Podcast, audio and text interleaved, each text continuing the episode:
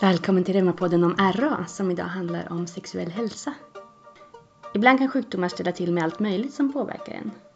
Även sånt man inte direkt tänker på. Sexualiteten är en viktig del av livet. Och idag pratar vi om hur den sexuella hälsan kan påverkas av RA. Kanske finns det i perioder smärta som kan göra att det som tidigare kändes skönt inte längre gör det. Eller stelhet så att de gamla vanliga sätten att ha sex inte längre funkar och trötthet. Så att det sista man orkar bekymra sig över är sitt sexliv. Det kan ibland kännas ovant att prata om sex. Men jag har idag förmånen att få prata med Kristina Areskog Josefsson som forskat om just sexuell hälsa vid RA. Kristina disputerade med en avhandling där hon bland annat frågade kvinnor med RA om deras strategier för sin sexuella hälsa. Vi pratar mest om hur den sexuella hälsan kan påverkas av RA men jag passade också på att fråga hur vi som jobbar i vården kan skapa en öppnare stämning för de här ämnena. Vi heter Mari Stockfeldt, Jonas Mårtensson och Martin Joelsson. Välkommen till Reumapodden om RA och sexuell hälsa. Välkommen till Reumapodden. Idag har jag glädjen att få prata med Kristina Areskog Josefsson som disputerade 2013 om sexuell hälsa vid RA du är också docent och avdelningschef vid Jönköping Academy for Improvement of Health and Welfare. Tack för att du är med. Tack så mycket. Och eh, jag har en arbetsplats till faktiskt som jag ja. tycker passar in i sammanhanget och det är att jag jobbar också vid Oslo Metropolitan University på avdelningen för beteendevetenskap och främst, främst inriktat för eh, hur vi jobbar med rehabilitering för personer för, med funktionsvariationer speciellt relaterat till eh, sexuell hälsa och eh, sexualitet. Och jag är nyfiken på hur du kom in på det här ämnet från början. Den frågan får jag faktiskt ganska ofta. det känns som de flesta sjukgymnaster kanske inte tänker så, åh, jag ska jobba med någonting som har med sex att göra. Det brukar inte vara den, ja, det brukar inte vara det som det blir spontant. Men eh, för mig var det faktiskt så att jag jobbade som sjukgymnast för reumatiker och så tyckte jag att jag fick så mycket positiv återkoppling från personerna som jag jobbade med. Att åh, det är så bra att komma till fysioterapeuten och det känns så bra och det känns som jag har så stor nytta. Men jag mm. kunde inte se så stora förändringar för fysioterapeuter vi gillar ju att mäta och så mm. se om det är bättre styrka och så vidare. Och där hände det ingenting. Så jag började med att göra en intervjustudie där jag frågade personer som levde med reumatoid artrit. Vad är nyttan med, med fysioterapi för dig?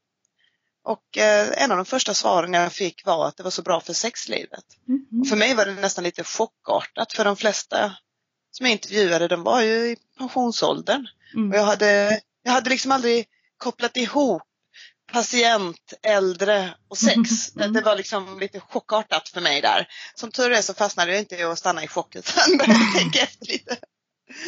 Så, så, det var där det började och sen när jag sökte kunskap så upptäckte jag att det fanns så väldigt lite forskning. Det fanns forskning på problem men inget på lösningar.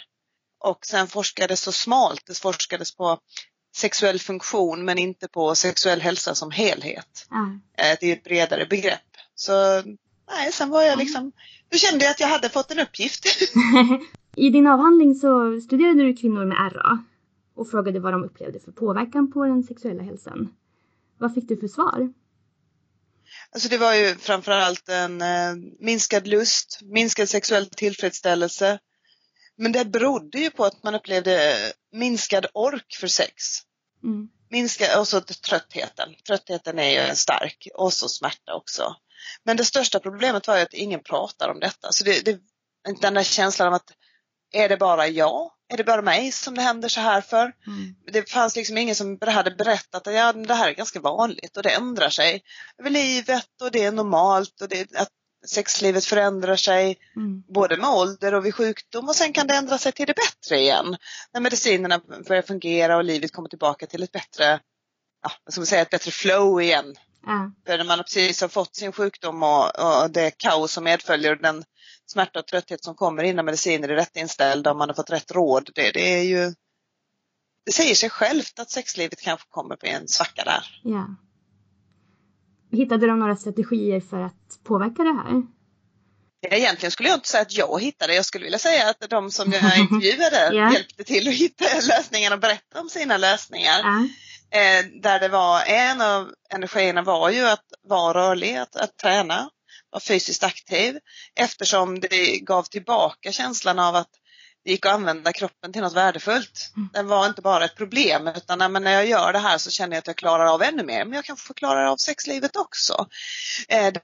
Eh, om att skapa glädje, för glädje ger energi. När vi, de tränade i grupp så beskrev de att när vi tränar tillsammans, vi skrattar tillsammans, då kommer jag hem gladare, då orkar jag lite mer hemma också, mm. även tillsammans med min partner.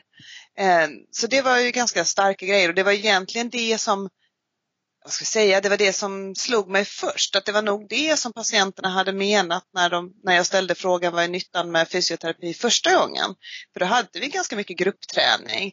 Så det här sociala och dela erfarenheter, eh, även om man inte delar erfarenheter och pratar om sex så pratar man ändå om sitt liv. Mm. Och dela det tillsammans och sen dela i rörelseglädje, det var, det var saker som nämndes. Mm. Men sen handlade det också om att planera sin dag. Tänka om man behöver inte acceptera sin sjukdom men hantera den på nya sätt. Ah, på Förstående sätt. partner var ju också väldigt viktigt. Ah. var det problem att kommunicera innan så blev det inte lättare att kommunicera efteråt. På vilket sätt kunde man planera sin dag? Där är lite hur vi är som människor också, men vi är olika. Men när det gäller sex så gör vi ofta ganska mycket samma sak. Vi tycker om att göra samma sak. Vi tycker om att ha sex ofta på samma sätt med samma person, ganska ofta på samma ställe också. Mm. Det är som att äta frukost. Vi har, vi har inte jättevariationer, men ibland är det kul med en hotellfrukost. Men, men det är ofta ganska samma. Och det kan bli svårt att ändra mönster, för är vi vana att ja, men vi har kanske sex på, på morgnarna när vi ligger lite längre, på helgen, på semester. Och så känner man att jag är så stel på morgonen. Det här, det här funkar liksom inte längre. Det är inte roligt innan jag har tagit och kommit igång och rört mig lite. Då, mm. då kan det behöva planeras in att men sex det är någonting som vi gör. Vi kan få ta en liten tur till sängen efter lunch. Vila lite middag tillsammans. Det kan vara också att tänka om när det gäller onani. Eh, planera om sin vardag där. Har jag väldigt ont i händerna, men då kanske jag måste planera om. Jag kanske vill ha ett sexuellt hjälpmedel för att onanera. Jag behöver helt enkelt planera lite mer för mitt sexuella liv för att mina förutsättningar har förändrats. Så sexlivet kan förändras av sjukdom och kan också ändra sig tillbaka igen. Trötthet, smärta och stelhet kan vara viktiga saker som påverkar. Några sätt att underlätta kan vara att röra sig och träna, att tänka på nya sätt, planera sin dag och kommunicera med en eventuell partner. Det kom fram som svar i Kristina Areskog Josefssons studie. Jag är nyfiken på att veta, tror hon att upplevelsen skiljer sig mellan män och kvinnor eller beroende på ålder? Ja, nu är jag ju kvinna så att jag mm-hmm. kan inte helt beskriva den sexuella känslan för män, men jag skulle tro att det är en eh, skillnad mellan män och kvinnor. På, men jag skulle egentligen säga mellan människor. Yeah. Vi tänker på sex, vi kan tänka, tänker för smalt om vi tänker män och kvinnor, för vi fastnar ju också i olika förväntansfack om vi säger så. För att det, det, finns ju en hel del prestationskrav kan upplevas när det gäller sex och där kan det ibland vara högre krav på en man att prestera mm. eh, sexuellt. Eh, om vi utgår från vad media liksom, säger att vi ska göra och så. Medan för kvinnor kan det vara på ett annat sätt.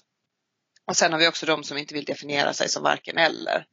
Men eh, jag tänker också när du frågar mig om det påverkas av eh, ålder och sexuella hälsan, det gör det ju för att vi får en annan livserfarenhet ju äldre vi blir. Mm. Vi har gjort mer saker i livet, vi vet vad vi tycker om och vad vi inte tycker om och vad vi tycker är viktigt för oss själva. Medan vi kan också säga att ju äldre vi blir, alltså kroppen förändras ju i sig. Mm. Vi ser lite annorlunda ut men vi kan också ha lite sämre blodcirkulation som kan påverka erektionsförmåga, vi kan ha lite sämre lubrikationsförmåga. Ja, det, kroppen kan påverkas helt enkelt. Men den sexuella hälsan kan ju vara oerhört god mm. oavsett ålder. Det handlar väldigt mycket om eh, vår egen inställning och kunskap och eh, ja, hur vi vill ha det. Ja, just det. Om man vill förbättra sin sexuella hälsa, vart kan man börja då? Jag tror att man ska börja med att säga, men varför? Vad är det jag inte är så nöjd med? För det kan ju också skilja sig väldigt mycket åt. Och är det något som jag tror att ska vara på ett visst sätt för att det har jag läst någonstans eller är det för att det här känner jag är viktigt för mig? Det, det tror jag är den viktigaste att börja med. Eh, men om jag, om jag skulle känna att jag, jag är inte helt nöjd med mitt sexuella liv, då gäller det att tänka till kring vad är det som jag inte är så nöjd med. Mm. Skulle det vara så att jag orkar inte, jag, jag känner mig, alltså nej, finns ingen ork, finns inte någonting. Då är det ju fysisk aktivitet som har visat sig ha goda resultat. Mm. Och när jag säger fysisk aktivitet så är det egentligen all form av fysisk aktivitet. Men om vi tänker att man ska ha samlag med en annan person så är det olika sexuella ställningar. Det kan vara bra att träna igång sin rörlighet för att kunna vara så rörlig så att det går att göra det du, du själv vill göra så att säga. Mm. Du behöver en viss ork också.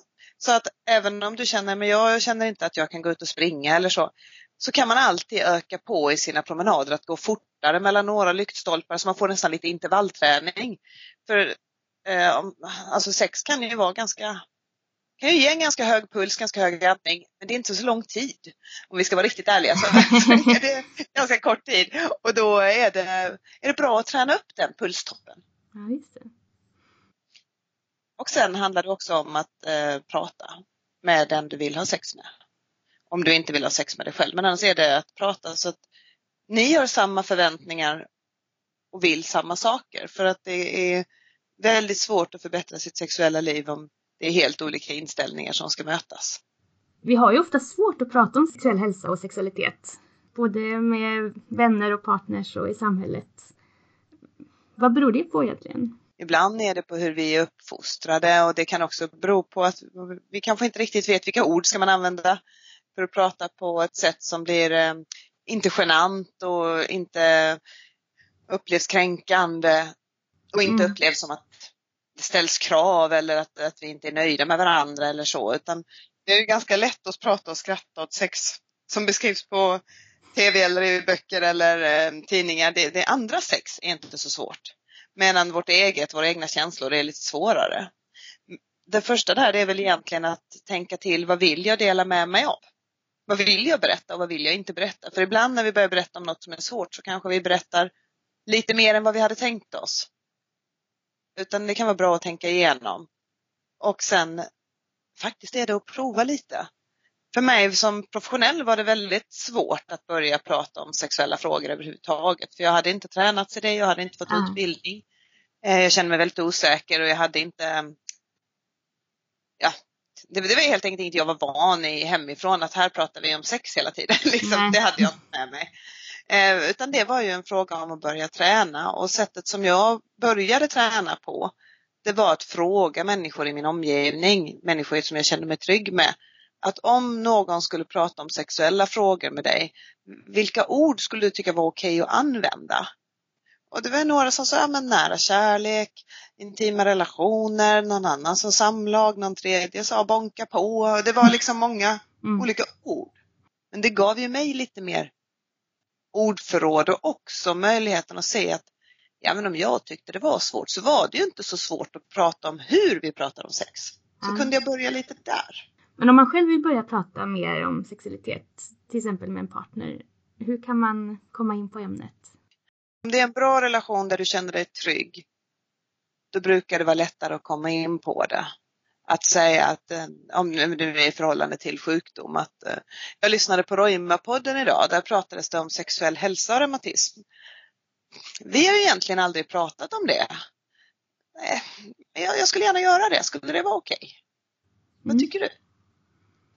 Så att man kan hänga upp det på någonting som man har hört eller läst eller du fått en informationsbroschyr från Reumatikerförbundet eller Reumatikervärlden, tidningen. Där finns ju en eh, ett område som handlar om en frågespalt som handlar mm. om sex och samlevnad. Det kanske ja, lägga upp den på köksbordet och säga ja, alltså, tänk på det här, det har vi aldrig pratat om. Eller det här har vi pratat om lite men jag skulle gärna prata lite mer. Eller det här tycker jag också verkar svårt. Så det kan vara lättare om man har någonting lite mer handfast att hänga upp det på när man börjar första gången. Jag passar på att fråga när jag har Kristina Areskog Josefsson här hur vi som jobbar i vården kan arbeta med det här. Så att de vi träffar känner att man får prata om den sexuella hälsan om man vill. Vi har ju också ibland svårt för de här ämnena. Jag tror att vi ska börja med att tänka att vi inte har svårt ibland. Vi har svårt nästan jämt. Ja. det är ett utbrett bekymmer. Eh, jag tror att vi ska, om jag är som enskild vårdpersonal så skulle jag rekommendera att tänka efter noga för sig själv. om min attityd är att alla människor har rätten till en sexuell hälsa oavsett vem de är. Står jag verkligen för det som professionell? Det ska jag stå för, det är min skyldighet. Eh, och om jag har det tänket så skulle jag kunna använda mig av olika samtalsmodeller. Jag tycker väldigt mycket om Plicit-modellen som är det första steget i permission, tillåtande atmosfär. Att jag visar att det finns en öppenhet för att samtala om sexuella frågor. Det kan vara så att jag har informationsbroschyrer på kliniken där det finns något litet om eh, sex och samliv. Eh, det finns ju till exempel i senaste mm, checklistan inför läkarbesöket som eh, Reumatikerförbundet har tagit fram. Mm. Så finns det en sån punkt.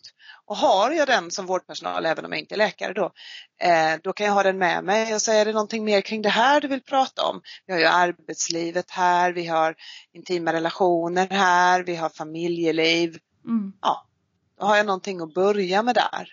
Det finns också att ha en bra startmening. För nästa del av Plicit-modellen är limited information, då begränsad information, sånt som är lätt att ge. Där jag själv har haft en startmening som är att eh, med den här eh, sjukdomen som du har fått så är det väldigt vanligt med mycket trötthet, mycket smärta. Det påverkar livet på olika sätt. Det påverkar familjeliv, arbetsliv men även ditt sexuella liv. Vill du ha någon information kring detta? Mm. Det är ju en, då berättar jag lite väldigt enkelt att det här kan påverka det sexuella livet. Jag ställer inte frågan, är det så för dig? Mm. Utan det är bara, vill du ha information? Då har jag gläntat lite på locket och visat att jag är beredd på att prata om detta om du mm. vill. Mm. Om man nu vill veta mer om sexuell hälsa, har du någonting att rekommendera där man kan läsa vidare? Så det finns ju en del bra hemsidor från eh, reumatikerföreningar, både nationellt i Sverige, mm det finns ju också internationellt. Det finns eh, allt från eh, olika sexuella ställningar där det visas liksom att ah, har du ont i höften då, då gör denna ställningen mer ont och denna är lättare. Och sen eh, skulle jag väl egentligen om igen där säga att det beror ju på vad det är du är ute efter. För är du ute efter rena fakta kring hur påverkar min sjukdom eh, de sexuella organen eh, till exempel eh, med erektionsproblem vad kan påverka där? Ja, då är det ju mer medicinsk litteratur. Men om vi pratar om att eh, komma förbi en eh, starkt påverkande livshändelse, som att få en kronisk sjukdom kan ju vara en starkt påverkande livshändelse. Mm. Då kanske det är mer den typen av stödlitteratur. Ja, men tänka på nytt, tänka om. Mm. Eh, då är det inte så Ja, det, det beror liksom lite på vad man är ute efter helt mm. enkelt. Det finns ju också eh, böcker som beskriver min egen min egen berättelse av att leva med en sjukdom. Det finns även filmer. Det finns också på Youtube filmer, Leva med reumatism och så som både på engelska och svenska, som kan, eh, som kan vara till stöd för att skapa lite egna tankar. För vi är ju alla unika så det kan, går inte att ge ett råd. Mm. Att så här är det liksom. Eh, det, det är svårt. Men jag skulle vilja säga att vara noga med att tänka om den informationen du hittar är myter eller fakta. För att när vi tittar på det vi läser på nätet och böcker och så vidare, att, att vi faktiskt är lite, lite lagom kritiska till det som står där. För att det, det, det är lätt att få besked om att ja, men om du gör si eller om du äter så eller om du tar det här kosttillskottet eller äter mm. Viagra eller så, så kommer du få ett fantastiskt sexliv. Men vi får inte glömma att många av oss, jag säger oss eftersom jag själv är reumatiker, mm. vi stoppar ju i oss en hel del mediciner som kan reagera på ett ja, på ett dåligt sätt om vi kombinerar dem med olika andra typer av preparat. Så det är ju rätt så viktigt att vi frågar eh, läkare och vårdpersonal, vad, blir det här något bra? Är det här okej okay att kombinera med? Och sen är det ju som mediciner som Viagra och så, de funkar ju bara för vissa sexuella problem. Det är ju inte så att de löser allt. Ja. Då, då, kan det ju bli helt fel istället. Så, så fundera på om det är fakta eller myter. Just det, lite källkritik. Ja, lite källkritik ja. Det var egentligen mitt sista fråga. Det var väldigt intressant att höra. Men finns det något mer som du vill lägga till som kan vara bra för våra lyssnare att veta? Jag skulle nog vilja säga att eh, jag har hållit på med det här forskningsämnet i oh, snart 15 år. Och det som jag ser nu och märker nu, det är att det finns ett ökande intresse hos vårdpersonal, olika kliniker som hör av sig hjälp oss att börja prata om sexuella frågor med våra patienter. Det är också fler patientföreningar och patienter har upplevt att varit engagerade från början i forskningsämnet. Men nu är det också fler utbildningar som engagerar sig.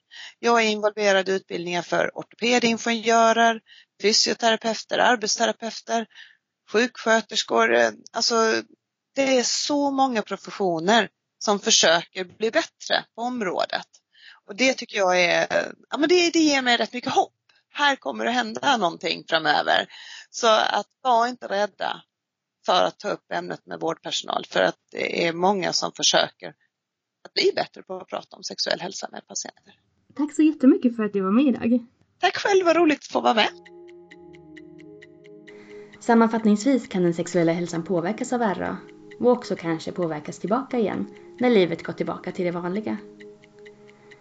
Det finns flera olika strategier som man kan testa och se om de funkar för en själv. Till exempel att träna upp kondition och rörlighet, tänka på nya sätt och planera sin dag. Och att prata om sexualiteten kan kanske göra att man hittar ännu fler sätt. Det var dagens avsnitt. Tack för att du har lyssnat. Om du vill veta mer om Kristina och vad hon gör kan du följa henne på Twitter, Tina Areskog. Och om du har frågor eller funderingar, kontakta oss gärna på reumapodden vgregion.se.